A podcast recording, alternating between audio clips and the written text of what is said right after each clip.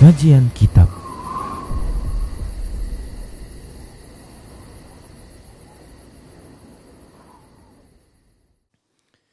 Bismillah, Assalamualaikum warahmatullahi wabarakatuh. Innal hamdalillah nahmaduhu wa nasta'inuhu wa nastaghfiruh wa na'udzu billahi min shururi anfusina wa min sayyiati a'malina man yahdihillah fala mudhillalah wa man yudlilhu fala hadiyalah. Wa ashhadu an la ilaha illallah wahdahu la syarika lah وأشهد أن محمدا عبده ورسوله صلى الله عليه وسلم. قال الله تبارك وتعالى يا أيها الذين آمنوا اتقوا الله حق تقاته ولا تموتن إلا وأنتم مسلمون. يا أيها الناس اتقوا ربكم الذي خلقكم من نفس واحدة وخلق منها زوجها وبث منهما رجالا كثيرا ونساء. واتقوا الله الذي تساءلون به والأرحام. إن الله كان عليكم رقيبا. يا أيها الذين آمنوا اتقوا الله وقولوا قولا سديدا. يصلح لكم أعمالكم ويغفر لكم ذنوبكم. ومن يطع الله ورسوله فقد فاز فوزا عظيما. أما بعد. فإن أحسن الكلام كتاب الله وخير الهدى هدى رسول الله صلى الله عليه وسلم وشر الأمور محدثاتها وكل محدثة بدعة وكل بدعة ضلالة وكل ضلالة في النار Para muslim rahimani wa rahimakumullah alhamdulillah kita bersyukur kepada Allah Subhanahu wa taala atas semua kebaikan dan nikmat yang Allah Subhanahu wa taala telah berikan kepada kita.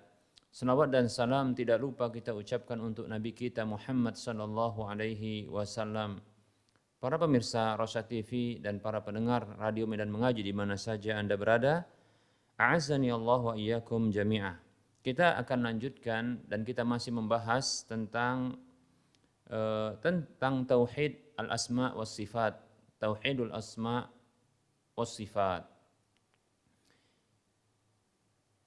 Pada pertemuan lalu telah kita sebutkan tentang definisi tauhidul asma was sifat yaitu ifradullahi bi asma'ihi wa sifatihi bi isbati ma asbatal asbatallahu li nafsihi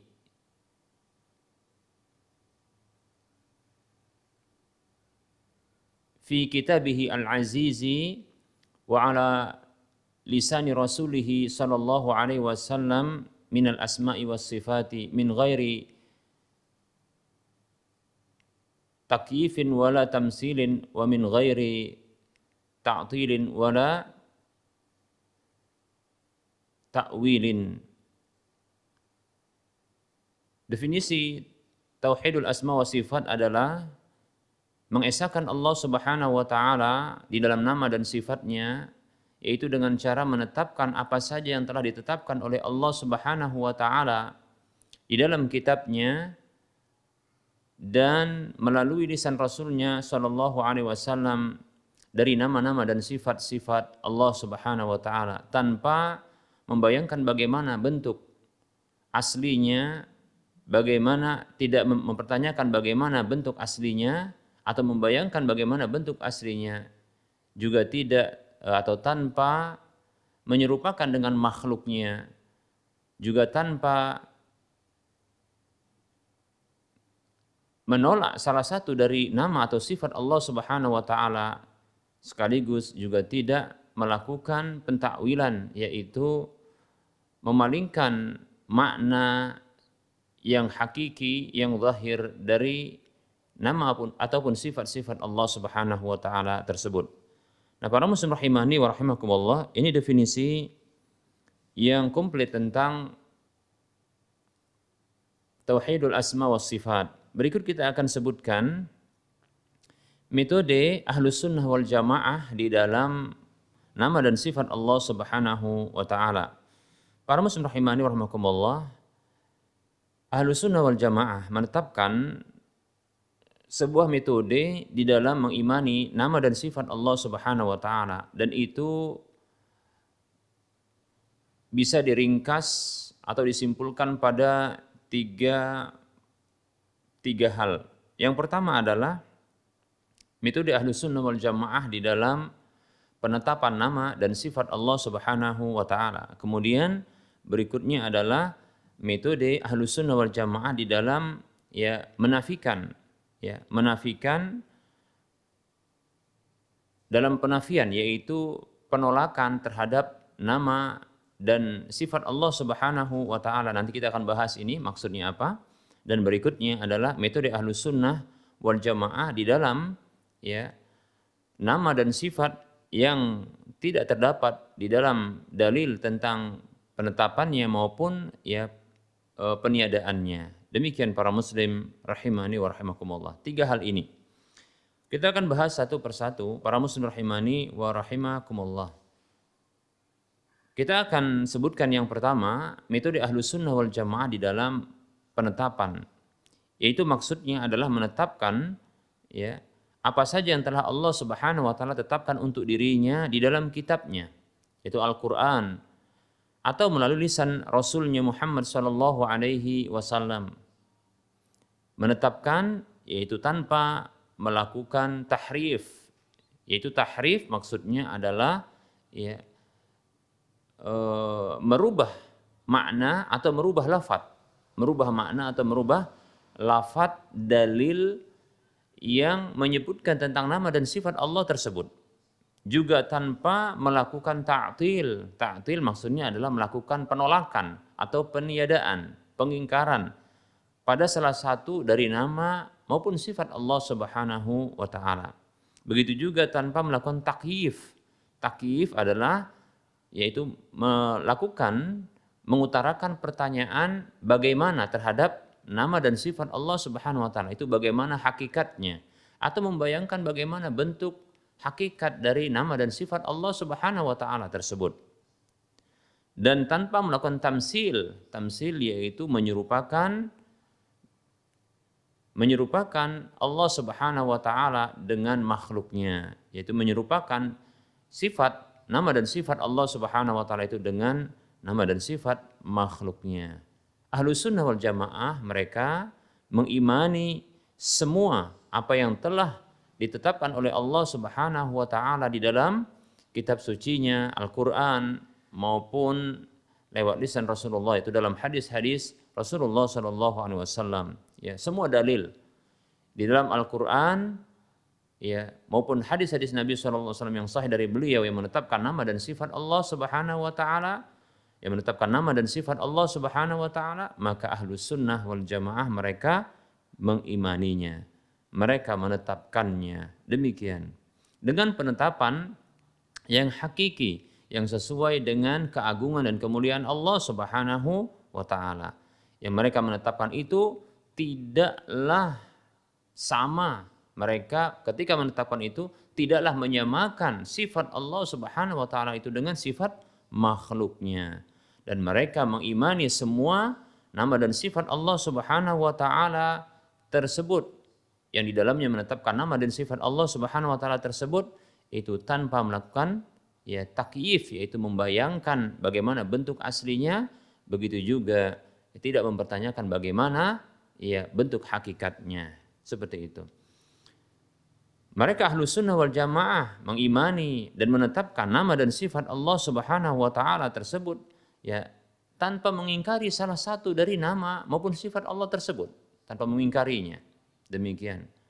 Begitu juga ahlu sunnah wal jamaah mereka mengimani sekaligus menetapkan nama dan sifat Allah subhanahu wa ta'ala karena memang Allah subhanahu wa ta'ala dan Rasulnya menetapkan hal tersebut tanpa mereka melakukan tahrif yaitu takwil mentakwilnya yaitu me, memalingkan atau mengarahkan ya kepada makna yang lain yang tidak diinginkan oleh Allah dan Rasulnya ya. Para muslim rahimani wa rahimakumullah. Ahlu sunnah wal jamaah mereka ketika menetapkan nama-nama Allah subhanahu wa ta'ala maka mereka mengimani bahwa setiap nama-nama Allah subhanahu wa ta'ala itu mengandung sifat mengandung sifat Allah Subhanahu wa taala. Seperti contohnya adalah nama Allah Ar-Rahman, Ar-Rahim. Maka mereka menetapkan nama Allah Subhanahu wa taala tersebut Ar-Rahman dan Ar-Rahim sekaligus mereka menetapkan bahwa Allah Ar-Rahman, Allah Ar-Rahim adalah zat yang memiliki sifat rahmat yang luas, demikian pula sifat rahmat yang khusus. Begitu juga tatkala Allah Subhanahu wa taala menetapkan dirinya memiliki nama Al-Aziz, maka ahlu sunnah wal jamaah menetapkan nama Allah Subhanahu wa taala itu untuk Allah yaitu Al-Aziz yaitu zat mereka mengimani bahwasanya Al-Aziz adalah Allah zat yang memiliki sifat izzah yaitu keperkasaan yang tentunya itu sesuai dengan keagungan kemuliaan dan kemuliaan Allah Subhanahu wa taala. Sifat izzah, kekuasaan, keperkasaan itu sesuai dengan keagungan dan kemuliaan Allah Subhanahu wa taala. Demikian pula tatkala Allah Subhanahu wa taala menetapkan dirinya menetapkan untuk dirinya nama Al-Qawi, zat yang maha kuat, ya, Al-Qawi maka ahlu sunnah wal jamaah pun mereka menetapkan, menetapkan, menetapkan nama Allah Subhanahu wa taala tersebut untuk Allah Al-Qawi. Dan mereka mengimani bahwasanya nama Allah Al-Qawi adalah zat yang memiliki sifat al-quwwah, zat yang memiliki sifat kuat, kekuatan, kekuatan yang sempurna yang tak sama seperti makhluknya yang sesuai dengan keagungan dan kemuliaan Allah Subhanahu wa taala. Demikian para muslim rahimani wa rahimakumullah. Nah, begitulah seterusnya dari nama-nama Allah Subhanahu wa taala. Maka seluruh nama-nama Allah Subhanahu wa taala itu mengandung sifat yang sempurna, sifat yang tinggi lagi mulia. Yang Allah Subhanahu wa taala dipuji dengannya yang Allah Subhanahu wa taala disanjung karenanya yang tidak ada kekurangan padanya dari berbagai sisinya yaitu sifat yang sempurna sifat yang sempurna dari berbagai sisinya. Tidak tidaklah serupa dengan makhluknya. Para muslim rahimani wa rahimakumullah ini keyakinan ahlu sunnah wal jamaah ketika ahlu sunnah wal jamaah mendengarkan ya, firman Allah subhanahu wa ta'ala di mana Allah subhanahu wa ta'ala menetapkan ya ketika Allah subhanahu wa ta'ala berfirman di dalam Al-Quran mendengar firman Allah subhanahu wa ta'ala dalam Al-Quran begitu juga mendengarkan sabda Nabi SAW dalam hadis-hadisnya yang sahih hadis-hadis beliau yang sahih di mana Al-Quran maupun hadis tersebut keduanya wahyu dari Allah subhanahu wa ta'ala keduanya menetapkan tentang nama dan sifat Allah Subhanahu wa taala, maka ahlu sunnah wal jamaah mereka mengimaninya. Mereka pun menetapkannya. Maka menetapkan nama semua nama-nama yang telah ditetapkan oleh Allah Subhanahu wa taala. Demikian pula sebagaimana juga ahlu sunnah wal jamaah menetapkan sifat-sifat nama-nama Allah yang maha indah mereka tetapkan karena memang Allah Subhanahu wa taala yang menetapkan. Di dalam Al-Qur'an maupun lewat lisan Rasulullah Shallallahu Alaihi Wasallam. Sebagaimana mereka juga menetapkan ya, sifat-sifat tersebut, ya, sifat-sifat tersebut dengan sifat-sifat kesempurnaan, sifat-sifat yang tinggi lagi mulia yang tidak ada kesamaan dengan makhluknya. Mengapa? Karena memang Allah Subhanahu wa taala yang menetapkannya di dalam Al-Qur'an maupun lewat lisan Rasulullah Shallallahu alaihi wasallam. Maka ahlu sunnah wal jamaah tidak tidak berani untuk menolaknya. Maka ahlu sunnah wal jamaah tidak berani untuk membayangkannya. Dan ahlu sunnah wal jamaah tidak akan berani untuk menyamakan dengan makhluknya.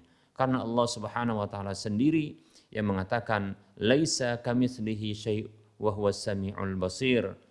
Tidak ada satupun yang serupa dengan Allah subhanahu wa ta'ala dan dia adalah zat yang maha mendengar lagi maha melihat. Demikian para muslim rahimani wa rahimakumullah. Dan ahlu sunnah wal jamaah juga menetapkan nama dan sifat Allah subhanahu wa ta'ala tersebut karena memang Allah subhanahu wa ta'ala yang menetapkan nama dan sifat Allah tersebut di dalam Al-Quran maupun lewat lisan Rasulullah SAW dan tentunya Allah ketika menetapkannya itu menginginkan sesuai dengan zahirnya sesuai dengan zahirnya maka ahlus sunnah wal jamaah pun menetapkan nama dan sifat Allah yang telah Allah tetapkan untuk dirinya di dalam kitabnya Al-Quran maupun lewat lisan Rasulullah Sallallahu Alaihi Wasallam tanpa mereka berani untuk melakukan pentakwilan, memalingkan makna yang diinginkan oleh Allah Subhanahu wa taala dan rasulnya kepada makna yang lainnya. Demikian para muslim rahimani wa rahimakumullah.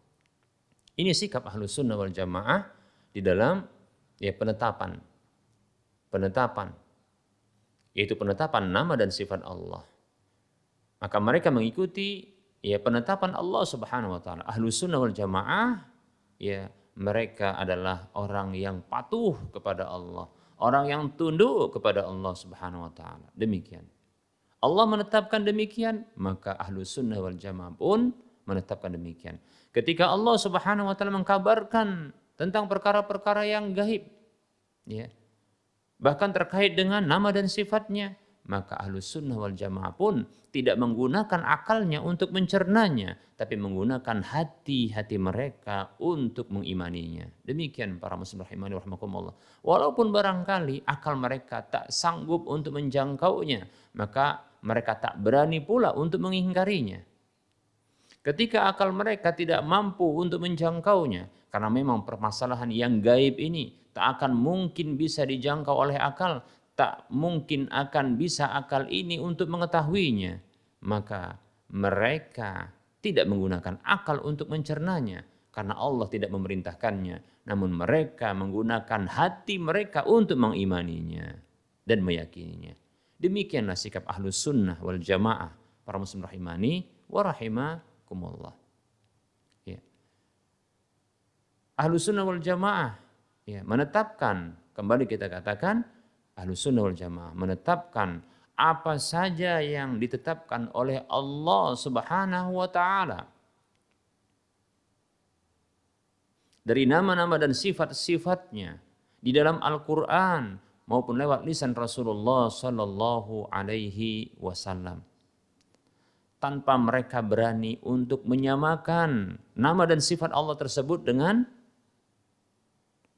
makhluknya tanpa mereka berani untuk membayangkan bagaimana bentuk aslinya. Tanpa mereka berani untuk bertanya bagaimana bentuknya. Mengapa? Karena Allah Subhanahu wa taala berfirman, "Walam yakul lahu kufuwan ahada." Tidak ada satupun yang setara dengannya. Tidak ada satupun yang sebanding dengan Allah Subhanahu wa taala. Lalu bagaimana mereka berani untuk membayangkan bentuk hakikatnya, bentuk asli Allah Subhanahu wa taala pada nama dan sifat Allah Subhanahu wa taala.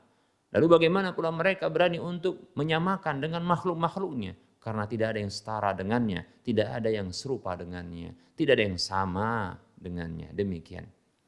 Dan tanpa mereka juga berani untuk melakukan pengingkaran tanpa mereka berani untuk melakukan pengingkaran. Tanpa mereka berani untuk melakukan pengingkaran. Para muslim rahimani wa rahimakumullah. Tanpa berani mereka melakukan pengingkaran terhadap nama dan sifat Allah Subhanahu wa taala. Kita kembali akan mengulangi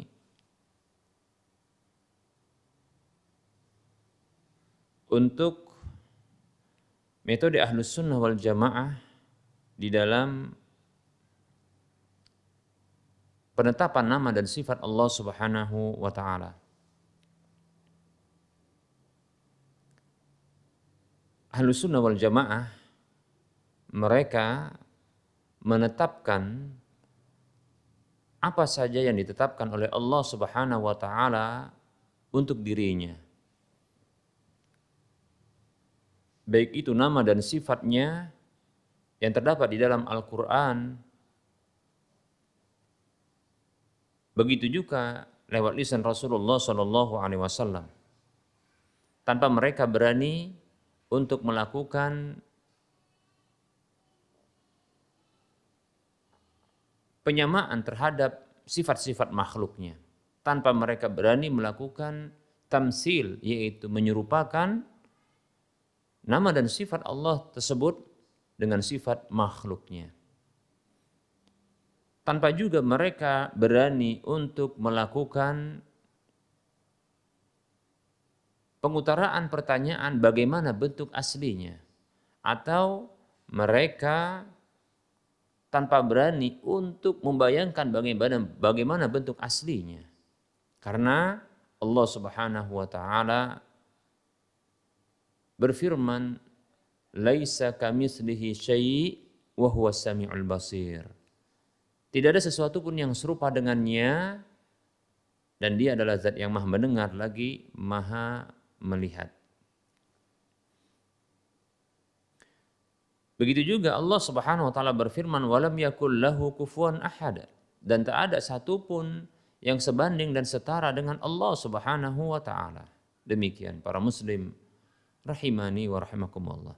Dan ahlu sunnah wal jamaah ketika menetapkan nama dan sifat Allah subhanahu wa ta'ala tersebut yang Allah sendiri telah menetapkan nama dan sifat Allah namanya dan sifatnya tersebut di dalam Al-Quran atau lewat lisan Rasulullah Shallallahu Alaihi Wasallam mereka tanpa berani melakukan penolakan sedikit pun atau pengingkaran sedikit pun dari nama maupun sifatnya.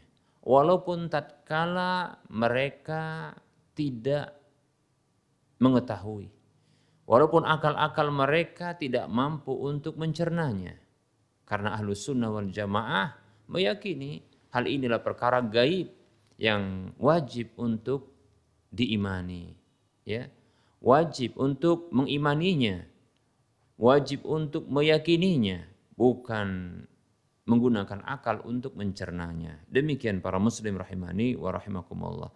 Begitu juga ahlu sunnah wal jamaah ketika menetapkan nama dan sifat Allah. Karena Allah yang telah menetapkan nama dan sifatnya tersebut di dalam Al-Quran ya maupun di dalam hadis lewat lisan Rasulullah SAW untuk dirinya maka ahlu sunnah wal jamaah tak berani untuk ya mentakwilnya tak berani pula untuk mentahrifnya, yaitu tak berani untuk melakukan pemalingan terhadap ya lafaz tersebut kepada makna yang lainnya yang tidak diinginkan oleh Allah dan Rasulnya. Demikian. Tidak berani untuk merubah lafadznya, tidak berani untuk merubah maknanya. Seperti itu. Mengapa? Karena tentunya ketika Allah Subhanahu wa taala berfirman mengkabarkan tentang nama dan sifatnya tersebut kepada hambanya di dalam kitab sucinya Al-Quran maupun lewat lisan Rasulullah SAW maka ya pengkabaran Allah tersebut adalah satu yang lahir yang tampak nyata maksudnya sesuatu yang lahir yang tampak dan dia nyata hanya saja manusia tidak bisa melihatnya manusia tidak mampu untuk mengetahuinya karena Allah tak menampakkannya kepada manusia demikian tapi sesungguhnya Sifat tersebut adalah sifat yang zahir, makna yang zahir. Demikian. Seperti itu. Hanya saja tak serupa dengan makhluknya dan tak bisa dibayangkan bagaimana bentuknya. Lalu ketika akal tak bisa mencernanya, maka cukup hati yang mengimaninya. Seperti itu. Demikian. Dan tak perlu pula ya untuk dipalingkan kepada makna yang lainnya. Demikian para muslim rahimani wa rahimakumullah. Baik para muslim rahimani wa rahimakumullah.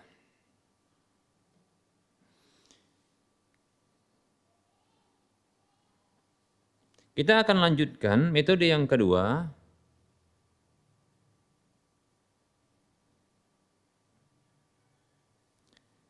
yaitu metode ahlus sunnah wal jamaah di dalam penafian. Ya, metode ahlus sunnah wal jamaah di dalam penafian.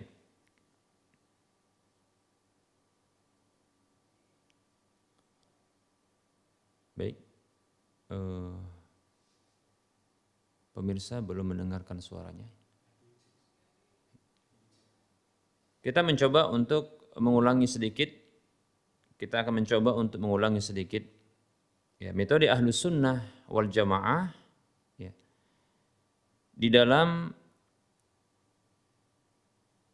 nama dan sifat Allah Subhanahu wa taala. Metode Ahlus Sunnah wal Jamaah di dalam mengimani nama dan sifat Allah Subhanahu wa taala.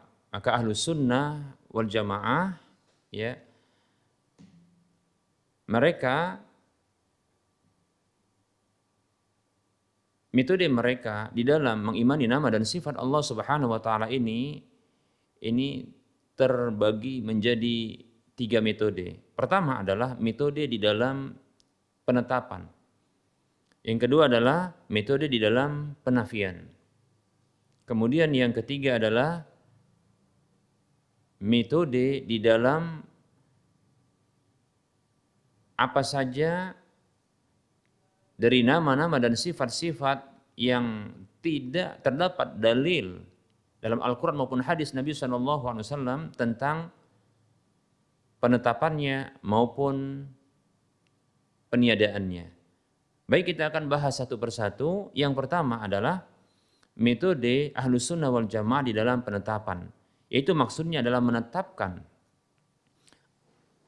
nama dan sifat Allah Subhanahu wa taala yang telah Allah Subhanahu wa taala tetapkan untuk dirinya di dalam kitabnya, kitab sucinya itu Al-Qur'an dan lewat lisan Rasulullah Shallallahu alaihi wasallam.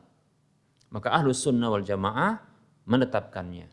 Mengapa? Karena Allah Subhanahu wa taala sendiri yang menetapkan nama dan sifat Allah tersebut, nama dan sifatnya tersebut di dalam kitab sucinya dan lewat wahyu yang Allah wahyukan kepada utusannya itu Nabi kita Muhammad sallallahu alaihi wasallam.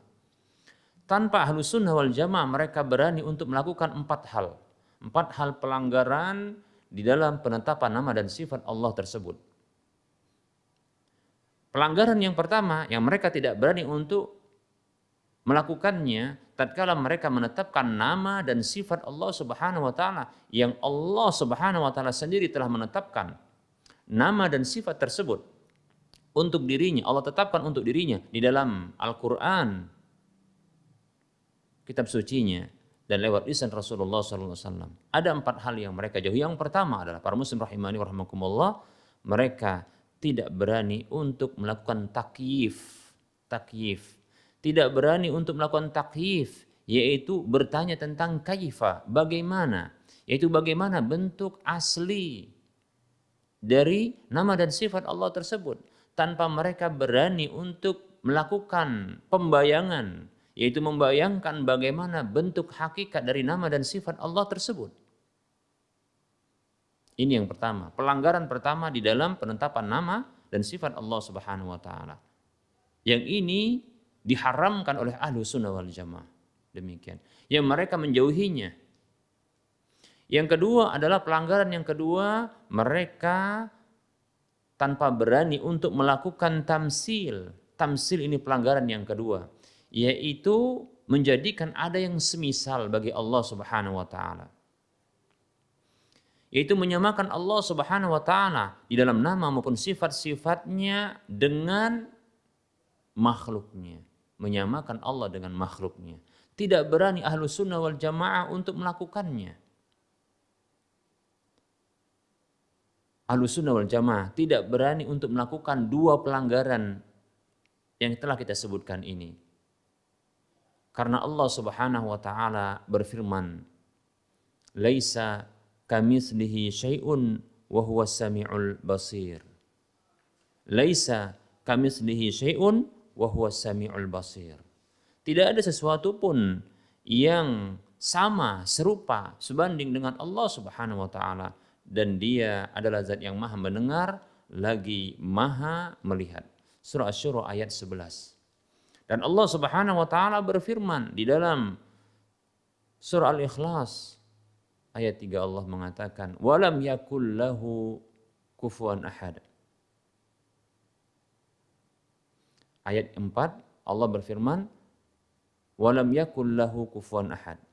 Ayat keempat dari surah Al-Ikhlas.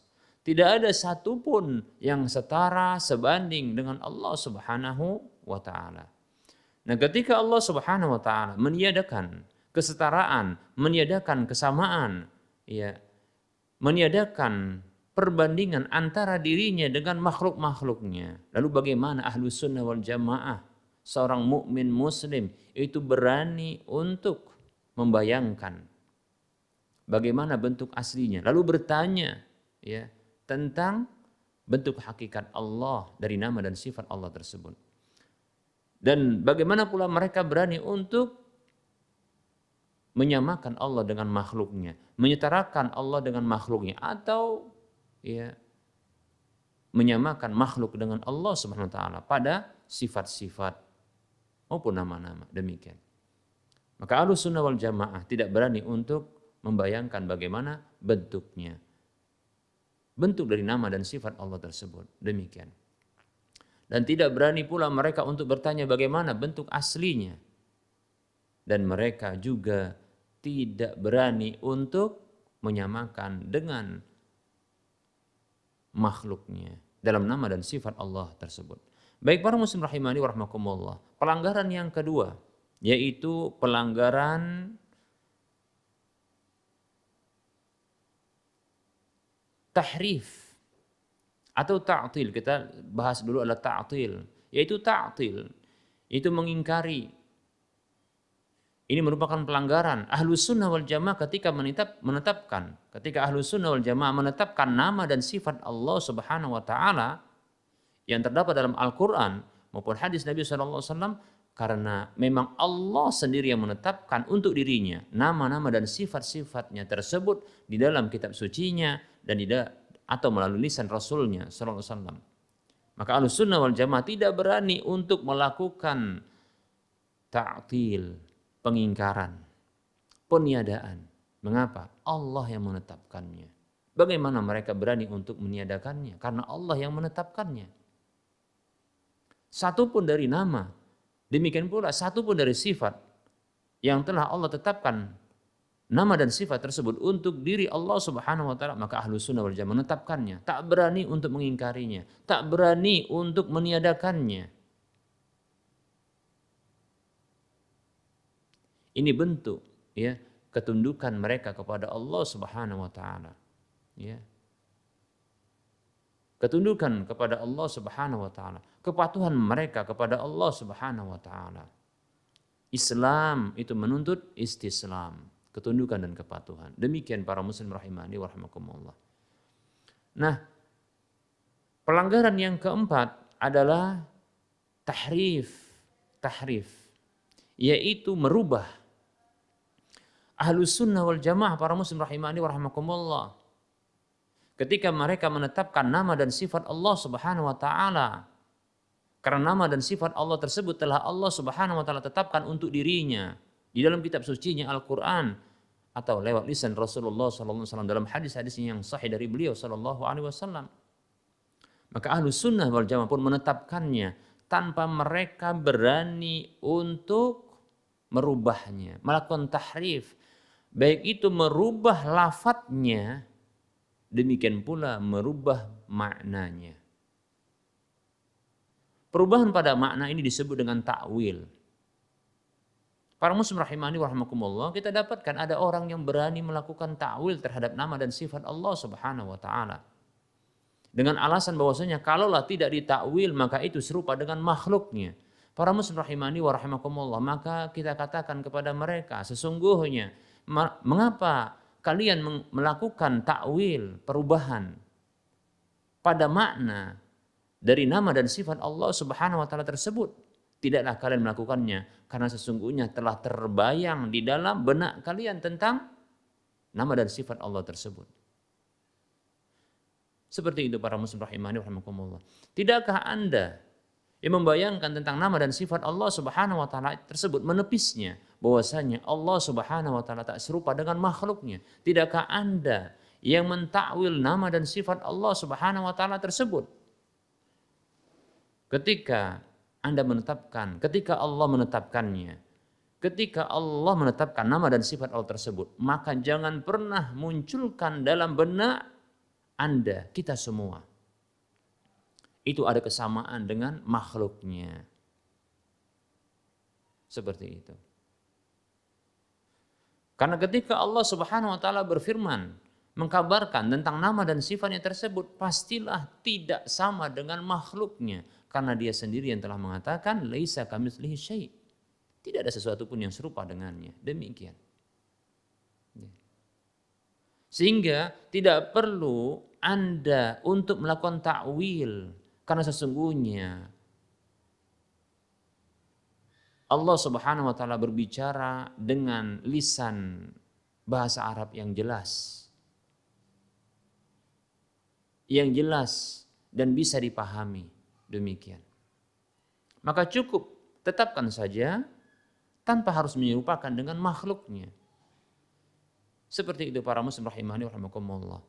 Namun tetapkan bahwasanya nama dan sifat Allah Subhanahu wa taala itu sesuai dengan keagungan dan kemuliaan Allah Subhanahu wa taala. Selesai. Mengapa? Karena ini adalah permasalahan gaib. Sesuatu yang disebutkan oleh Allah Subhanahu wa taala itu pasti ada hakikatnya, namun sesuai dengan hakikatnya. Demikian. Sebagaimana kiamat itu gaib, maka sesuai dengan hakikatnya. Begitu juga Sebagaimana malaikat itu gaib maka sesuai dengan hakikatnya. Sebagaimana alam barzakh itu juga gaib maka itu sesuai dengan hakikatnya. Begitulah ketika Allah Subhanahu wa taala berfirman mengkabarkan kepada para hambanya di dalam Al-Qur'an, kitab sucinya maupun lewat lisan Rasulullah SAW, utusannya tentang nama dan sifatnya. Dia sendiri mengkabarkan dan menetapkan hal tersebut, nama dan sifat tersebut. Maka tetapkan itu. Tapi sesuai dengan hakikat Allah, maka kita katakan, ya, nama dan sifat Allah adalah nama dan sifat yang hakiki sesuai dengan keagungan kemuliaan Allah Subhanahu wa taala. Seperti itu. Tidak sama serupa dengan makhluknya dan tak bisa dibayangkan bagaimana bentuk hakikatnya Apalagi mau ditanyakan bagaimana aslinya. Dan tak akan sama dengan makhluknya. Tak berani pula kita untuk menolak dan meniadakannya serta mengingkarinya. Maka cukup imani bahwa itu sesuai dengan hakikatnya. Tanpa kita berani pula untuk memalingkan, merubah maknanya dari makna yang telah Allah inginkan. Para muslim rahimani wa rahimakumullah.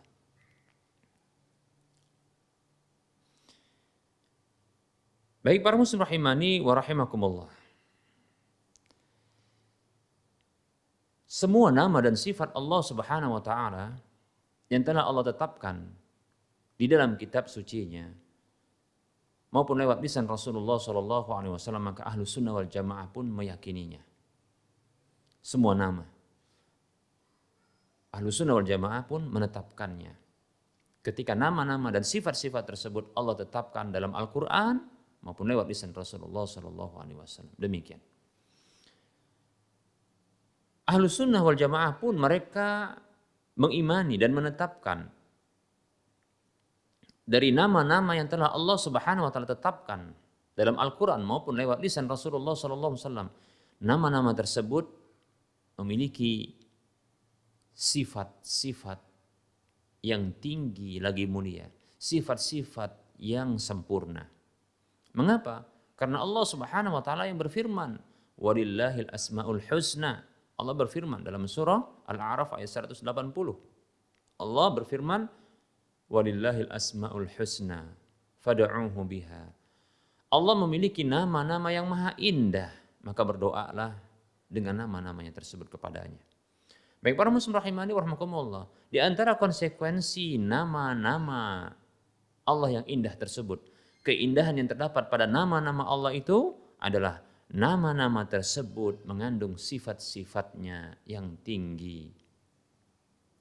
Allah mengatakan warillahil masalul a'la. Allah memiliki sifat-sifat yang maha tinggi. Nah, para muslim rahimahni wa rahimakumullah. Oleh karenanya, Ahlus Sunnah wal Jamaah meyakini setiap dari nama nama Allah Subhanahu wa taala yang telah Allah tetapkan dalam kitabnya atau lewat lisan Rasulullah wasallam maka Ahlus Sunnah menetapkan bahwa nama tersebut memiliki sifat-sifat yang dikandungnya Itu sifat-sifat kesempurnaan yang Allah, sifat-sifat kesempurnaan yang Allah dipuji karenanya, yang Allah disanjung sebabnya, yang tidak ada kekurangan padanya dari berbagai sisinya. Demikian sifat-sifat yang paling sempurna dari berbagai sisinya. Ahlu sunnah menetapkan demikian. Baik para muslim rahimani wa rahimakumullah. Kita contohkan seperti nama Allah Subhanahu wa taala Ar-Rahman, Ar-Rahim. Maka ahlu sunnah wal jamaah menetapkan bahwa nama Allah Subhanahu wa taala Ar-Rahman itu ditetapkan untuk Allah. Kemudian makna dari Ar-Rahman adalah dan Ar-Rahim adalah zat yang memiliki sifat rahmat sifat rahmat yang luas mencakup seluruh hambanya baik muslim maupun kafir manusia dan jinnya atau yang lainnya demikian rahmat yang tidak sama seperti makhluknya ya. rahmat yang tidak seperti sifat rahmat pada makhluknya. Sifat rahmat yang sempurna sesuai dengan keagungan dan kemuliaan Allah subhanahu wa ta'ala. Demikian para muslim rahimani wa rahimakumullah. Begitu juga tatkala Allah subhanahu wa ta'ala mensifati atau menamakan dirinya dengan Al-Qawi. Zat yang maha kuat. Maka ahlu sunnah wal jamaah pun menetapkan bahwa Allah subhanahu wa ta'ala memiliki nama Al-Qawi dan ahlu sunnah wal jamaah juga menetapkan bahwa nama Allah Al-Qawi ini adalah zat yang memiliki sifat Al-Quwah yaitu kekuatan. Yang semua kekuatan itu berasal dari Allah Subhanahu wa taala. Yang kekuatan itu tidaklah sama dengan kekuatan makhluknya, kekuatan yang lainnya. Kekuatan yang sesuai dengan keagungan dan kemuliaan Allah Subhanahu wa taala, kekuatan yang hakiki. Demikian para muslim rahimani wa rahimakumullah. Begitu juga tatkala Allah Subhanahu wa taala menetapkan ya namanya Al-Aziz untuk dirinya, maka ahlu sunnah wal jamaah pun menetapkan nama tersebut untuk Allah Subhanahu wa taala, Al-Aziz.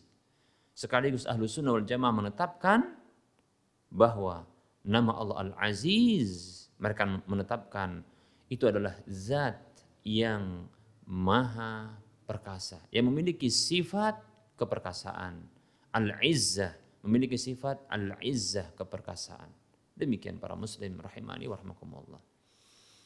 Hanya saja ahlu sunnah wal jamaah tidaklah mereka menetapkan ketika nama-nama Allah subhanahu wa ta'ala ini memiliki sifat-sifat. Bahwasanya nama-nama Allah yang begitu banyak ini ya memiliki mengandung sifat-sifatnya, maka mereka tidaklah menetapkan bahwa setiap sifat itu memiliki zat yang berbeda-beda.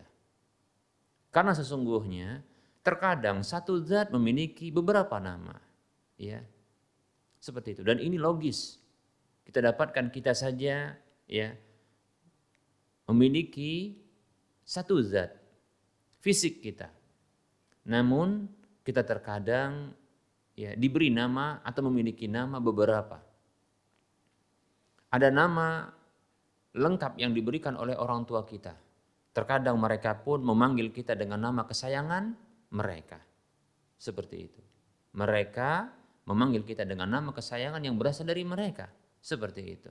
Terkadang teman-teman kita, terkadang ya karib kerabat kita, begitu juga orang-orang sekitar kita. Terkadang mereka memiliki penyebutan nama untuk kita dengan beberapa nama.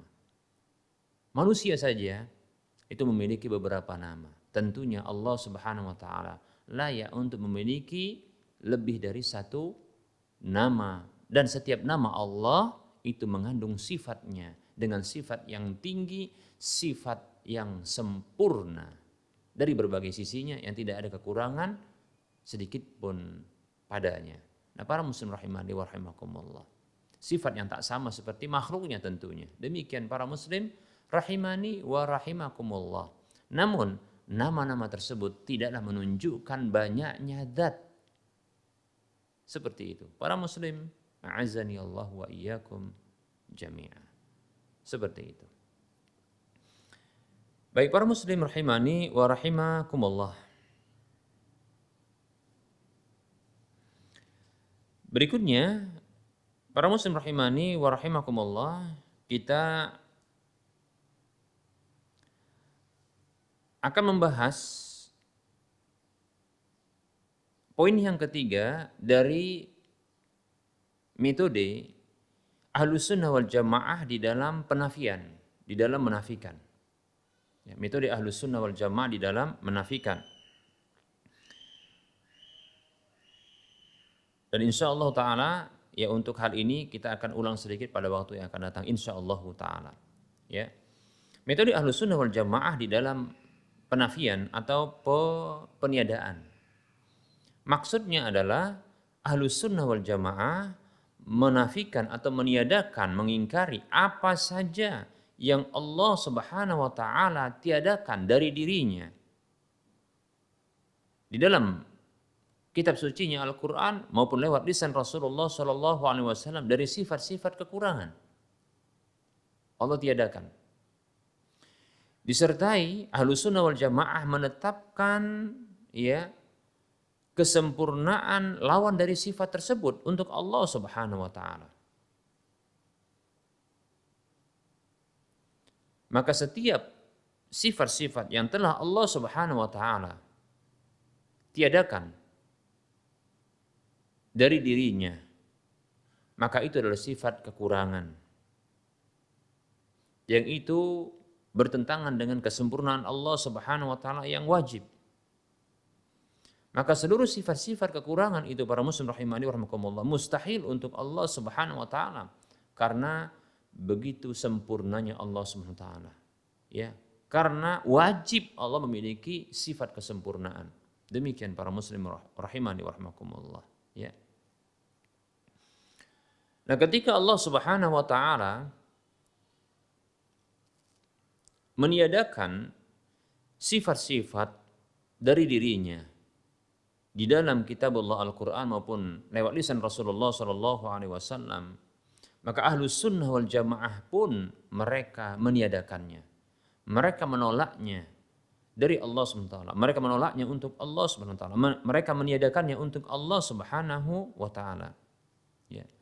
Allah tidak bersifat demikian. Karena Allah telah meniadakan dan menolak sifat itu bagi Allah Subhanahu wa taala. Sembari mereka ahlus sunnah wal jamaah menetapkan lawan dari sifat yang ditiadakan tersebut. Ya. Dengan mereka menetapkan ya kesempurnaan ya lawan dari sifat yang ditiadakan tersebut. Baik para muslim rahimani wa rahimakumullah. Kita akan berikan contoh. Contohnya adalah para muslim rahimani wa. Ketika Allah Subhanahu wa taala mensifati dirinya atau me, meniadakan dari dirinya sifat kezaliman. Ya. Allah Subhanahu wa taala berfirman ya mengatakan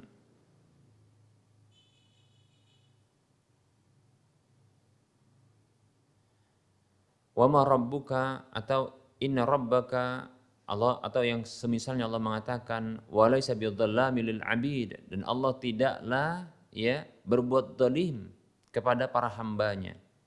Begitu juga dalam hadis qudsi, dalam hadis qudsi Rasulullah sallallahu alaihi wasallam bersabda Allah berfirman Inni haramtu zulma ya ibadi inni haramtu zulma ala nafsi wa ja'altuhu bainakum muharrama fala tadzalamu Wahai hambaku sesungguhnya aku haramkan kedoliman itu atas diriku dan aku jadikan kedoliman itu haram atas kalian maka janganlah kalian saling mendolimi demikian.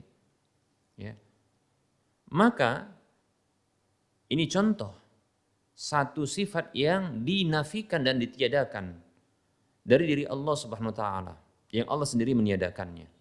Maka ahlu sunnah wal jamaah kita seorang mukmin muslim ahlu sunnah wal jamaah wajib untuk meniadakan sifat ini.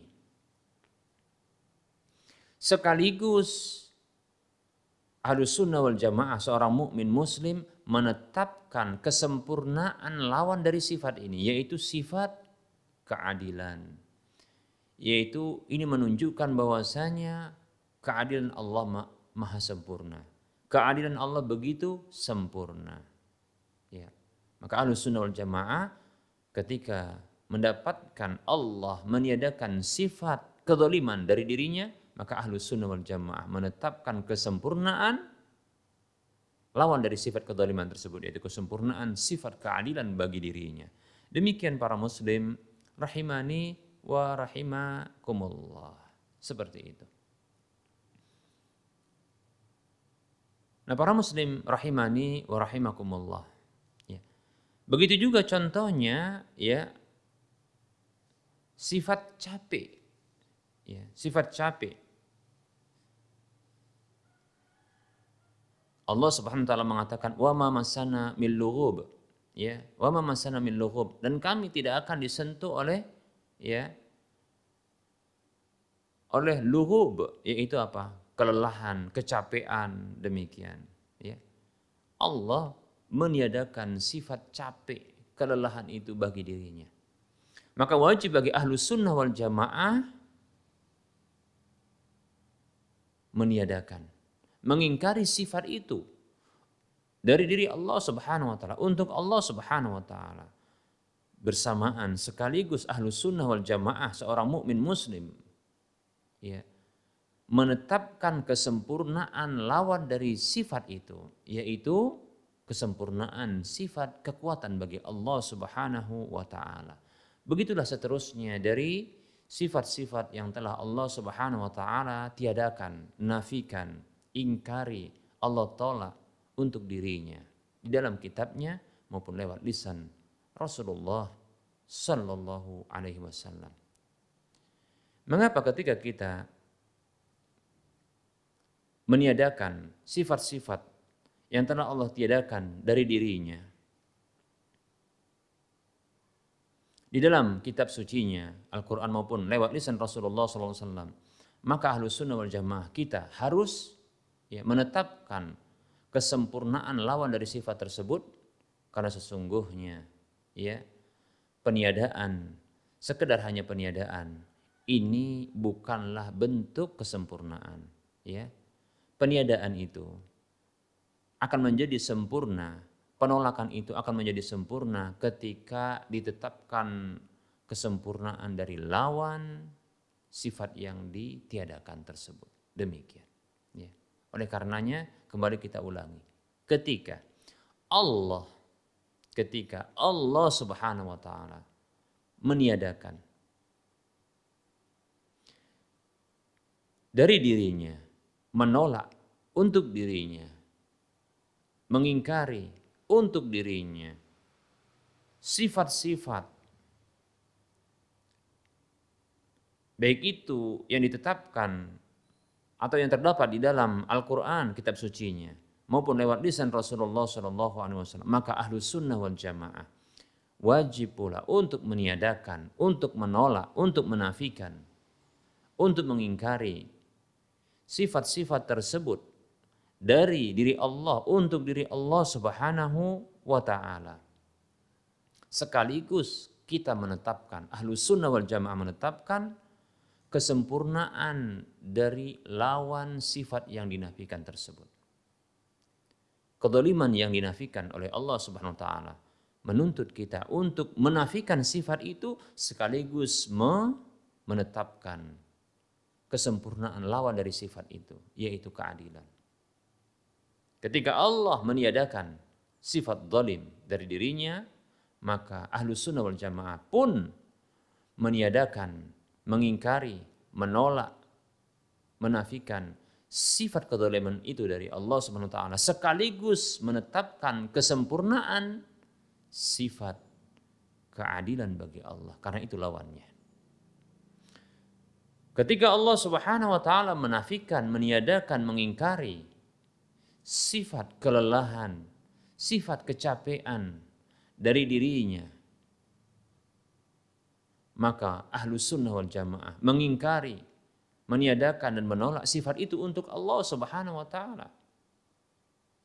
Sekaligus ahlu sunnah wal jamaah menetapkan kesempurnaan lawan dari sifat tersebut yaitu kekuatan. Kesempurnaan sifat kekuatan bagi Allah Subhanahu wa taala. Karena itu adalah lawannya. Demikian para muslim rahimani dan seterusnya demikian. Baik para muslim rahimani rahimakumullah, tersisa bagi kita untuk membahas ya metode ahlus sunnah wal jamaah yang ketiga yaitu di dalam nama dan sifat yang tidak terdapat di dalam dalil Al-Quran maupun hadis Nabi Alaihi Wasallam tentang ya peniadaannya, pengingkarannya maupun penetapannya. Insya Allah Taala kita akan bahas ya pada pertemuan yang akan datang insya Allah taala. Walaupun barangkali kita akan mengulang sedikit. Ya, ini agar semakin ya, ya semakin paham terhadap ya uh, keimanan terhadap nama dan sifat Allah Subhanahu wa taala. Baik para muslim rahimani wa rahimakumullah.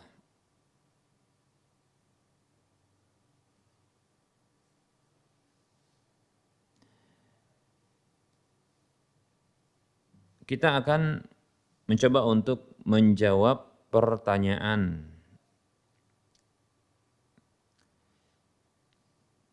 Baik, ada pertanyaan berikut ini.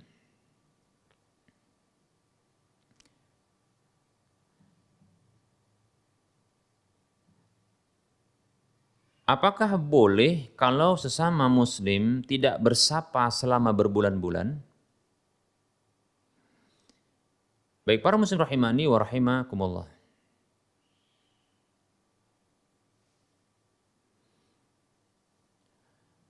Tidak bersapa disebut juga dengan memboikot.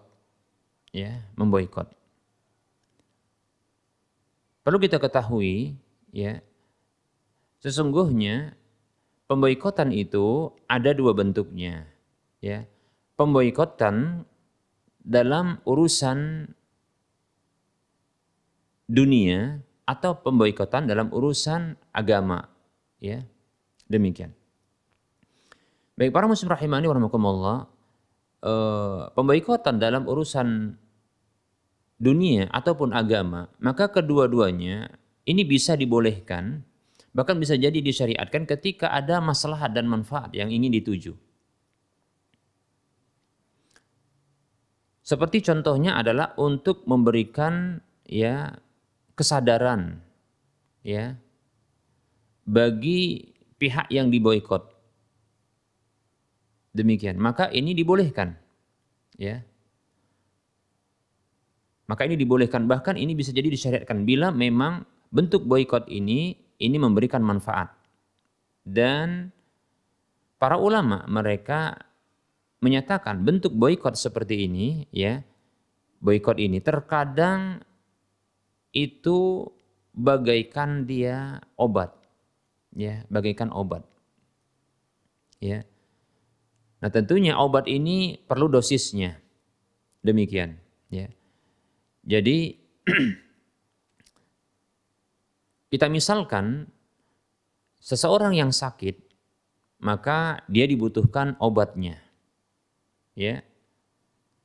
Orang yang sakit maka dia butuh kepada obatnya Seorang dokter yang memahami sakit penyakit tersebut, tentunya dia akan memberikan obat yang sesuai ya dengan penyakitnya dan dengan dosis takaran dosis yang sesuai pula seperti itu.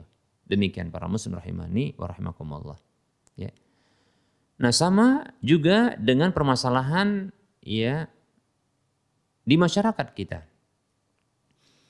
Apabila didapatkan satu bentuk pelanggaran dan itu adalah penyakit, pelanggaran di masyarakat, pelanggaran syariat, ya.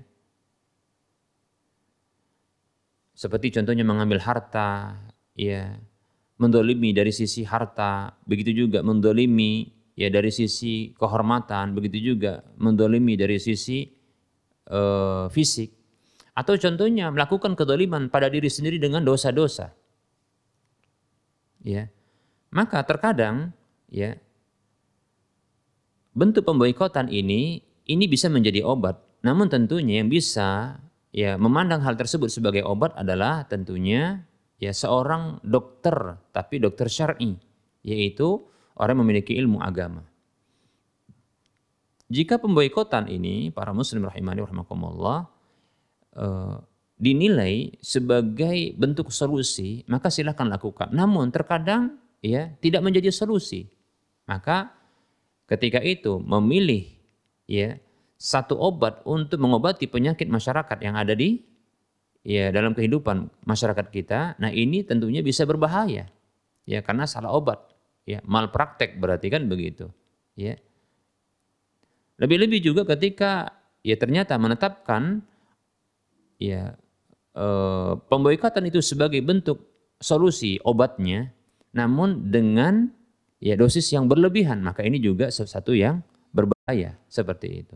Baik para muslim rahimani wa rahimakumullah. Memboikot di antaranya tidak mengucapkan salam, begitu juga tidak menyapa, tidak mengajak berbicara. Nah, ini bisa jadi disyariatkan. Ya. Dari sisi eh, agama ya, ketika dalam permasalahan-permasalahan agama, maka yang seperti ini dibolehkan lebih dari tiga hari. Ya, dibolehkan lebih dari tiga, tiga hari. Seperti itu. Ini diambil dari kisah Ka'ab bin Malik radhiyallahu anhu yang melakukan kesalahan tidak ikut perang Tabuk seperti itu. Ya, Nabi SAW beserta dengan para sahabat memboikot Ka'ab bin Malik radhiyallahu anhu dan itu lebih dari tiga hari bahkan sampai ya satu bulan lebih demikian ya para muslim rahimani warahmatullah kisahnya ini masyur ya di dalam Sahih Bukhari Sahih Muslim dan yang lainnya seperti itu ya maka perlu diketahui bahwasanya memboikot seseorang lebih dari tiga hari ini dibolehkan ya dalam urusan-urusan agama. Ya, dalam urusan agama, bukan urusan dunia. Demikian. Adapun dalam urusan dunia, maka tidak boleh ya memboikot itu lebih dari tiga hari. Ya, tidak boleh lebih dari tiga hari. Adapun ya kurang dari tiga hari maka ini dibolehkan bahkan bisa jadi ya disyariatkan ketika memang memberikan dampak yang ampuh seperti itu. Namun kita katakan tadi sebaiknya ini ya dilakukan penelitian terlebih dahulu atau pengamatan apakah ini layak atau tidak. Atau lebih baik mungkin diberikan nasihat bukan pemboikotan. Seperti itu, ya. Nah, sesama muslim ketika dalam urusan dunia, maka tidak boleh bagi mereka untuk memboikot saudaranya itu lebih dari tiga hari. Demikian. Dalam sebuah hadis yang diriwayatkan oleh Imam Ahmad, Imam Bukhari, Imam Muslim dan Imam Abu Daud, tentunya hadis yang sahih. Dari sahabat Anas bin Malik radhiyallahu anhu Rasulullah sallallahu alaihi wasallam bersabda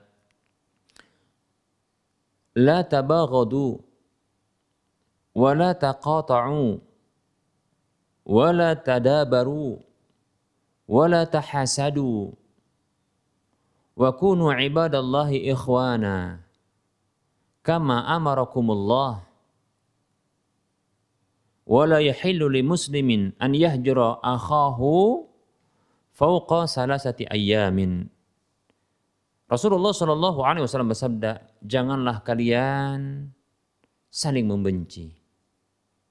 Larangan Rasulullah, pesan Rasulullah kepada umatnya, janganlah kalian saling membenci janganlah kalian saling memutuskan hubungan. Janganlah kalian saling bertolak belakang, berpaling. Dan janganlah kalian saling hasad.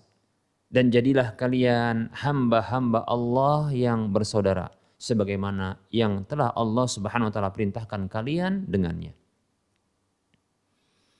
Dan tidak halal bagi seorang muslim tidak halal bagi seorang muslim memboikot saudaranya lebih dari tiga hari. Demikian kata Nabi Shallallahu Alaihi Wasallam seperti itu. Ini maksudnya dalam urusan dunia. Dalam urusan dunia. Seperti contohnya ya mungkin ketika itu terjadi kesalahpahaman lalu terjadi tengkar pertengkaran mulut seperti itu, maka ya boleh tidak berbicara, tidak bertegur sapa, ya, tidak mengucapkan salam, tapi tak boleh lebih dari tiga hari. Haram. Karena Rasulullah mengatakan, la yahillu li muslimin. Tidak tidak halal bagi seorang muslim. Artinya haram bagi seorang muslim an yahjura akhahu fawqa salasati ayamin memboikot, tidak mengajak bicara, tidak bersapa, ya, tidak ya bertegur sapa, tidak mengucapkan ya salam, ya kehormatan kepadanya, ya, tidak berbicara, maka ini tak boleh lebih dari tiga, tiga hari. Demikian para muslim rahimani wa rahimakumullah. Maka dimotivasi ya Bahkan ini ancaman, sebelum kita sampai motivasi, bahkan ancaman, ada hadis ya dari Abu Hadrat disebutkan ya radhiyallahu anhu bahwasanya ya, hadis yang disahihkan oleh Syekh Al-Albani rahimahullah taala bahwasanya hajrul muslimi akhahu kasafkid dami kasafki damihi ya disebutkan bahwasanya ya memboikot seorang muslim. Memboikot ya pemboikotan seorang muslim terhadap saudaranya itu bagaikan ya menumpahkan darahnya. Seperti itu. Ini luar biasa. Tentunya ketika ya pemboikotan yang tidak syar'i, maksudnya melebihi dari waktunya atau pemboikot yang tidak syar'i yaitu tidak tepat memboikotnya. Ya. Seperti itu para muslim rahimani warahmatullah. Karena kita katakan tadi boikot ini adalah bentuk bentuk obat tentunya pemilihan obat juga tidak serampangan. Begitu juga dalam penentuan ya takaran dosisnya agar tidak berlebihan. Karena kedua-duanya tetap berbahaya, ya. Salah obat ini berbahaya disebut malpraktek, ya. Malpraktek berarti kan begitu. Begitu juga ketika kelebihan dosisnya maka ini juga berbahaya. Demikian para muslim rahimani wa rahimakumullah. Nah, ada motivasi ya ketika mungkin sudah menyalahi syariat di dalam pemboikotan, maka sebaiknya tersadar. Ya, sadarlah karena tidak halal. Berarti pelakunya berdosa. Nah, bagi orang yang barangkali dia telah menyadari kesalahannya atau bagi orang yang diboikot, maka hendaknya ya hadis berikut ini sebagai motivasi bagi dirinya. Ada hadis yang diriwayatkan oleh Imam Bukhari juga dalam kitab sahihnya dengan nomor urut hadis 6077 ya disebutkan ya dari Abu Ayyub Al-Ansari radhiyallahu anhu anna Rasulullah sallallahu alaihi wasallam qala bahwasanya Rasulullah sallallahu alaihi wasallam ya beliau bersabda la yahillu li rajulin an yahjura akhahu fawqa salasati layalin tidak halal bagi seseorang memboikot saudaranya lebih dari tiga hari. Yaltaqiyani fayu'ridu hada wa yu'ridu hada. Keduanya bertemu namun ya yang ini berpaling, yang itu berpaling. Kata Rasulullah, wa khairuhuma alladhi yabda'u salam. Yang terbaik dari keduanya, tentunya orang terbaik ini luar biasa ya. Yang terbaik dari keduanya itu adalah yang memulai salam. Nah ini motivasi. Bila Anda ingin jadi orang terbaik, baik itu Anda yang telah memboikot namun keliru karena lebih dari tiga hari. Ya, ataupun bagi Anda yang diboikot sebagai korban, ya maka cobalah ya jadi orang terbaik dengan cara memulai salam. Semoga bermanfaat. Sallallahu alaihi wasallam. Baik para muslim rahimani wa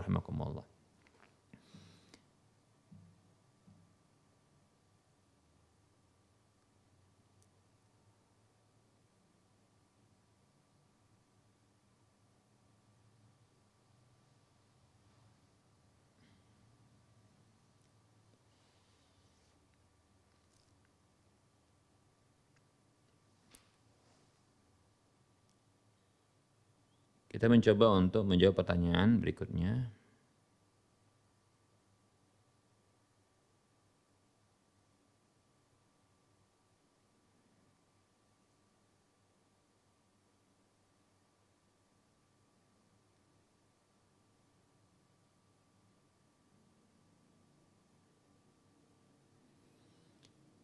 Baik, ya.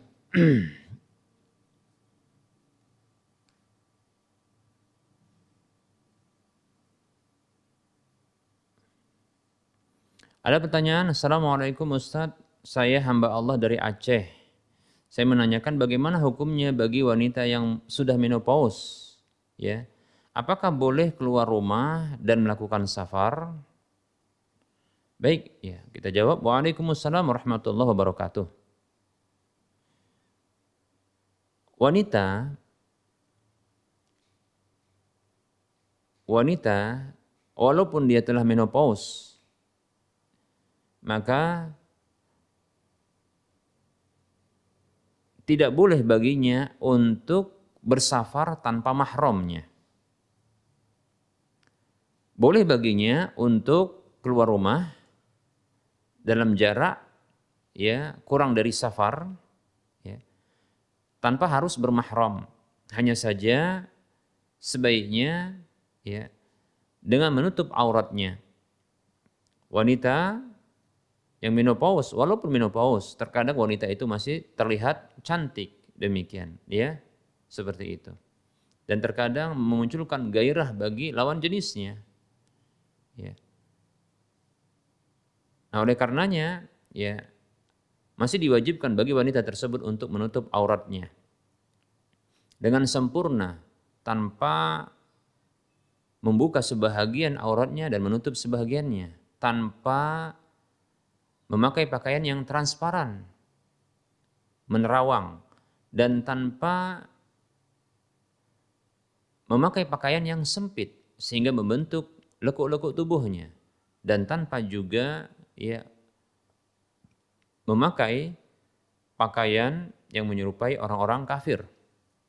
Wanita-wanita kafir dan bertabarruj ya yaitu berhias seperti eh, berhiasnya orang-orang wanita jahiliyah dahulu. Demikian. Seperti itu. Kemudian para muslim rahimani warahmatullah dan muslimat azani Allah wa iyyakum jami'a. Demikian pula wanita tersebut ya walaupun sudah menopause ya maka tetap tidak boleh untuk melakukan safar tanpa mahram ya safar tanpa mahram karena Nabi Shallallahu Alaihi Wasallam dia bersabda, la yakhluwanna ar-rajulu bimra'atin illa wa ma'aha dhu mahramin. Tidak halal bagi seorang laki-laki berduaan dengan seorang wanita kecuali bersamanya ada mahramnya. Wala tusafiril mar'atu illa ma'adhi mahramin dan tidak boleh wanita itu bersafar kecuali bersama dengan mahramnya. Ya. Ketika itu Rasulullah Shallallahu Alaihi Wasallam ya menyampaikan hadis ini, ternyata ada seorang laki-laki yang mengatakan bangkit lalu berdiri mengatakan demikian, wahai Rasulullah sesungguhnya istriku berangkat haji, ingin berangkat haji. Sementara aku telah tercatat di dalam peperangan ini dan itu. Jadi berbenturan antara waktu pelaksanaan haji dengan kegiatan ikut serta dalam perang. Ya. Maka Rasulullah Shallallahu Alaihi Wasallam mengatakan kepada intonik fahujja imraatik. Ya, pergilah berangkatlah berhaji bersama dengan istrimu. Demikian. Ya. Lihat. Peperangan yang ini juga termasuk jihad visabilillah yang pahalanya besar. Bahkan apabila pemerintah melakukan istinfar yaitu meminta ya dengan menunjuk orang untuk berangkat ikut perang maka wajib dengan fardu ain ya. Namun ini bisa dibatalkan ya karena untuk menemani ya haji istrinya. Demikian. Menemani haji istrinya itu tidak membiarkan istrinya berangkat haji tanpa mahram. Lihat, ya, begitu pentingnya ini, ya, e, bagi wanita untuk berangkat, ya, safar itu dengan mahram. Demikian para muslim rahimani wa rahimakumullah. Sampai-sampai Rasulullah membatalkan, ya, keberangkatan perang sahabatnya ini lalu memerintahkannya untuk menemani istrinya yang akan bersafar. Demikian ya, agar ada mah ada mahramnya. Demikian para muslim rahimani wa rahimakumullah. Nah, ini dia ya. Jawaban untuk uh, hamba Allah yang ada di Aceh.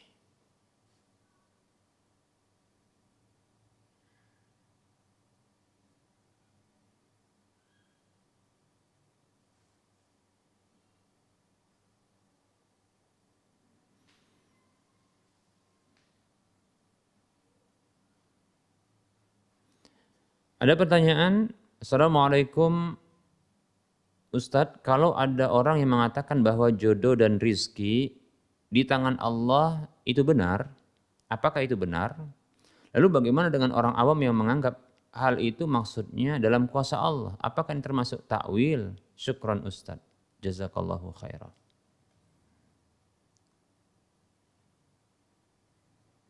Waalaikumsalam warahmatullahi wabarakatuh. Jadi maksudnya di sini adalah ya uh, jodoh dan rizki itu ada di tangan Allah Subhanahu wa taala. Ya. Ada di tangan Allah Subhanahu wa taala. Uh, apakah ini maksudnya uh, ketika ditakwil atau disebutkan masuk dalam kuasa Allah Subhanahu wa taala, ya. Baik para muslim rahimani wa rahimakumullah. Allah taala alam, saya sendiri belum pernah dapatkan eh, penyebutan secara khusus bahwasanya ya jodoh dan rizki itu di tangan Allah. Ya.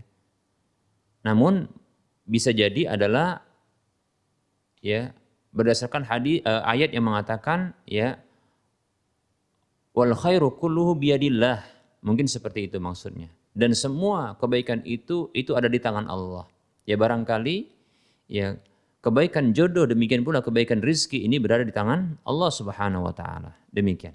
Ya, kalau demikian maksudnya maka ya ini benar ya seperti itu. Lalu bagaimana ketika orang awam yang mengatakan ya bahwasanya ya jodoh dan rizki itu ada dalam kuasa Allah Subhanahu wa taala. Maka kedua hal ini tidaklah bertentangan. Ya, tidak bertentangan. Ya. Betul bahwasanya jodoh dan rizki penetapannya itu dalam kekuasaan Allah Subhanahu wa taala. Memang Allah yang menetapkannya. Demikian. Ya. Seperti itu. Sebagaimana kebaikan jodoh dan rizki itu ada di tangan Allah Subhanahu wa taala. Hanya saja ya ketika seseorang yang melakukan takwil tangan itu maksudnya kekuatan ya, atau kekuasaan, maka ini disebut dengan takwil. Tapi kalau dia meyakini bahwasanya ya memang jodoh dan rizki itu ada dalam kekuasaan Allah, memang Allah yang menetapkannya karena memang itu wilayah Allah dalam ya ke, dalam wilayah kekuasaan Allah dalam menetapkannya, maka ini benar, tidak salah. Dan itu keyakinan seperti ini tidaklah menafikan dirinya untuk menetapkan bahwasanya Allah memiliki tangan. Ketika dia mengatakan kebaikan rizki dan jodoh itu ada di tangan Allah. Demikian. Ya. Seperti itu. Maka seperti ini tidaklah disebut dengan takwil. Dia hanya menyebutkan dengan bentuk ragam. Berbeda dengan orang-orang yang suka mentakwil. Orang-orang yang suka mentakwil, mereka ini ketika disebutkan tangan Allah, maka mereka tidaklah mereka mengambil atau menetapkan ya lafat tangan bagi Allah. Hanya saja maknanya mereka tidak menetapkannya. Maksudnya adalah tangan yang hakiki itu mereka tidak tetapkan. Orang yang suka mentakwil mereka tidak menetapkan tangan yang hakiki bagi Allah. Maksud tangan itu yang lafadznya ditetapkan dan diambil itu kemudian dipalingkan maknanya kepada makna kekuatan atau kekuasaan. Seperti itu. Nah, itulah ahlu ta'wil. Ya. Tindakan ahlu ta'wil demikian. Orang-orang yang suka mentakwil adalah mengambil lafat mengambil lafat dari nama atau sifat-sifat Allah, namun mereka tidaklah menetapkan sifat yang hakiki bagi nama atau sifat Allah tersebut. Ya. Mereka palingkan maknanya. Mengapa mereka ya tidak menetapkannya makna yang hakiki tersebut? Seperti contohnya sifat itu tangan tersebut ya. Mereka tidak tetapkan tangan yang hakiki bagi Allah karena terbayang dalam benak mereka karena mereka membayangkannya. Itu sama seperti makhluknya. Seperti itu. Nah ini kekeliruan kekeliruan. Ya. Ahlu sunnah wal jamaah ketika menetapkan tangan bagi Allah subhanahu wa ta'ala maka sesungguhnya tangan Allah itu sesuai dengan keagungan dan kemuliaan Allah Subhanahu wa taala, sesuai dengan hakikat ya kesempurnaan tangan itu bagi Allah Subhanahu wa taala. Yang kita tidak tahu bagaimana bentuknya, yang tidak boleh bagi kita untuk mengingkarinya, yang tidak boleh kita samakan dengan makhluknya dan tidak boleh bagi kita pula untuk memalingkan makna kepada makna yang lainnya karena sesungguhnya itu adalah tangan yang hakiki seperti itu. Ya. Demikian. Tapi kalau seseorang mengungkapkan itu dengan ungkapan yang berbeda. Contohnya, lafat yang lain, aku mengharapkan dengan amal ini adalah wajah Allah. Seperti Rasulullah SAW, Rasulullah SAW bersabda, lasta tunfiqa nafaqatan tabtaghi biha wajah Allah illa usbita alaiha. Ya. Tidaklah engkau wahai saat kata Rasulullah SAW. Ya, memberikan nafkah atau infak dengan satu infak atau nafkah yang engkau harapkan dengannya wajah Allah kecuali itu ditetapkan hatta ya hatta al-luqmah taj'aluha fi fayyi sampai pun suapan yang engkau jadikan itu ada pada mulut istrimu yaitu menyuapkan istri lalu seseorang ketika dia menyuapkan ist, uh, menyuapkan ya ke mulut istrinya dia niatkan aku lakukan ini untuk mengharapkan wajah Allah. Ya. Orang yang mengungkapkan hal ini meyakini bahwasanya Allah punya wajah. Ya, yang hakiki dan sesuai dengan keagungan kemuliaan Allah yang tidak sama dengan makhluknya dan tak boleh bagi kita untuk membayangkannya dan tak boleh ya bagi kita untuk menolaknya, mengingkarinya dan tak boleh bagi kita untuk memalingkan kepada makna yang lainnya. Seperti itu. Maka itu adalah wajah yang hakiki sesuai dengan keagungan dan kemuliaan Allah Subhanahu wa taala. Seperti itu. Hanya saja tak terbayang bagaimana bentuknya. Tak sama dengan makhluknya. Ya, haram untuk ya mengingkarinya dan haram pula untuk memalingkan kepada makna yang lainnya. Seperti itu. Kalau muncul dalam benak kita, ketahui sesungguhnya itu setan yang membayangkan itu atau memunculkan itu dalam benak kita. Itu saja. Tolak itu Allah tidak demikian, Allah tidak demikian. Begitu saja, cukup. Ya, demikian.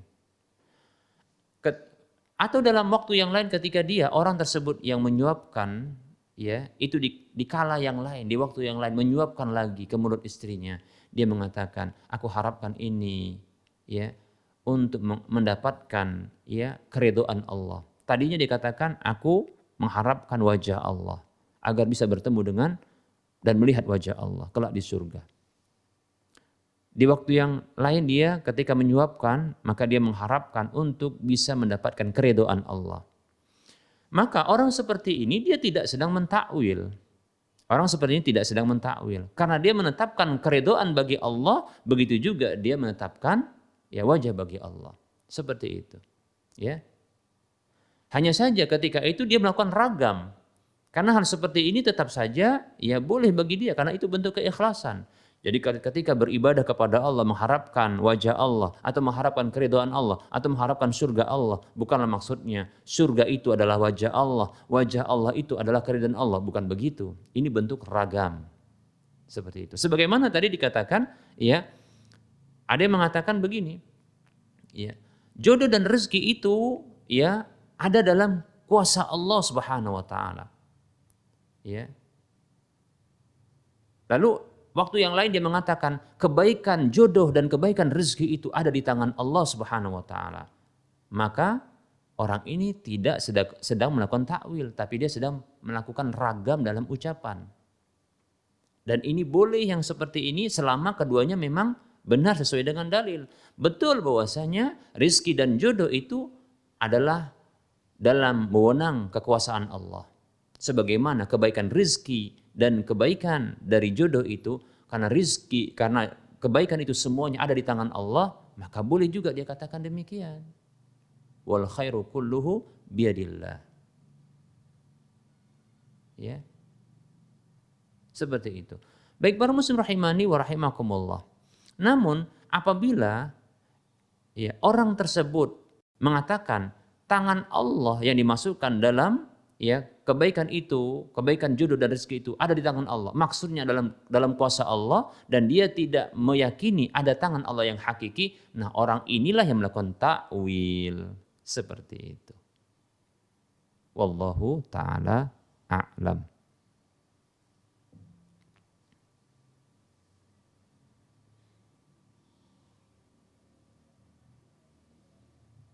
Baik, kita cukupkan untuk penyampaian materi dan menjawab pertanyaan-pertanyaan. Mohon maaf atas segala kekurangan dan kesalahan. Tentunya kebenaran itu datang dari Allah Subhanahu wa taala. Kesalahan dan kekurangan itu datang dari saya pribadi dan bisikan syaitan kepada Allah saya mohon ampun kepada para pemirsa dan pendengar sekalian saya mohon maaf. Wassallallahu ala Muhammad wa ala alihi wa ashabihi ajma'in. Subhanakallahumma wa bihamdika asyhadu an la ilaha illa anta astaghfiruka wa atubu ilaika walhamdulillahi alamin. Wassalamualaikum warahmatullahi wabarakatuh.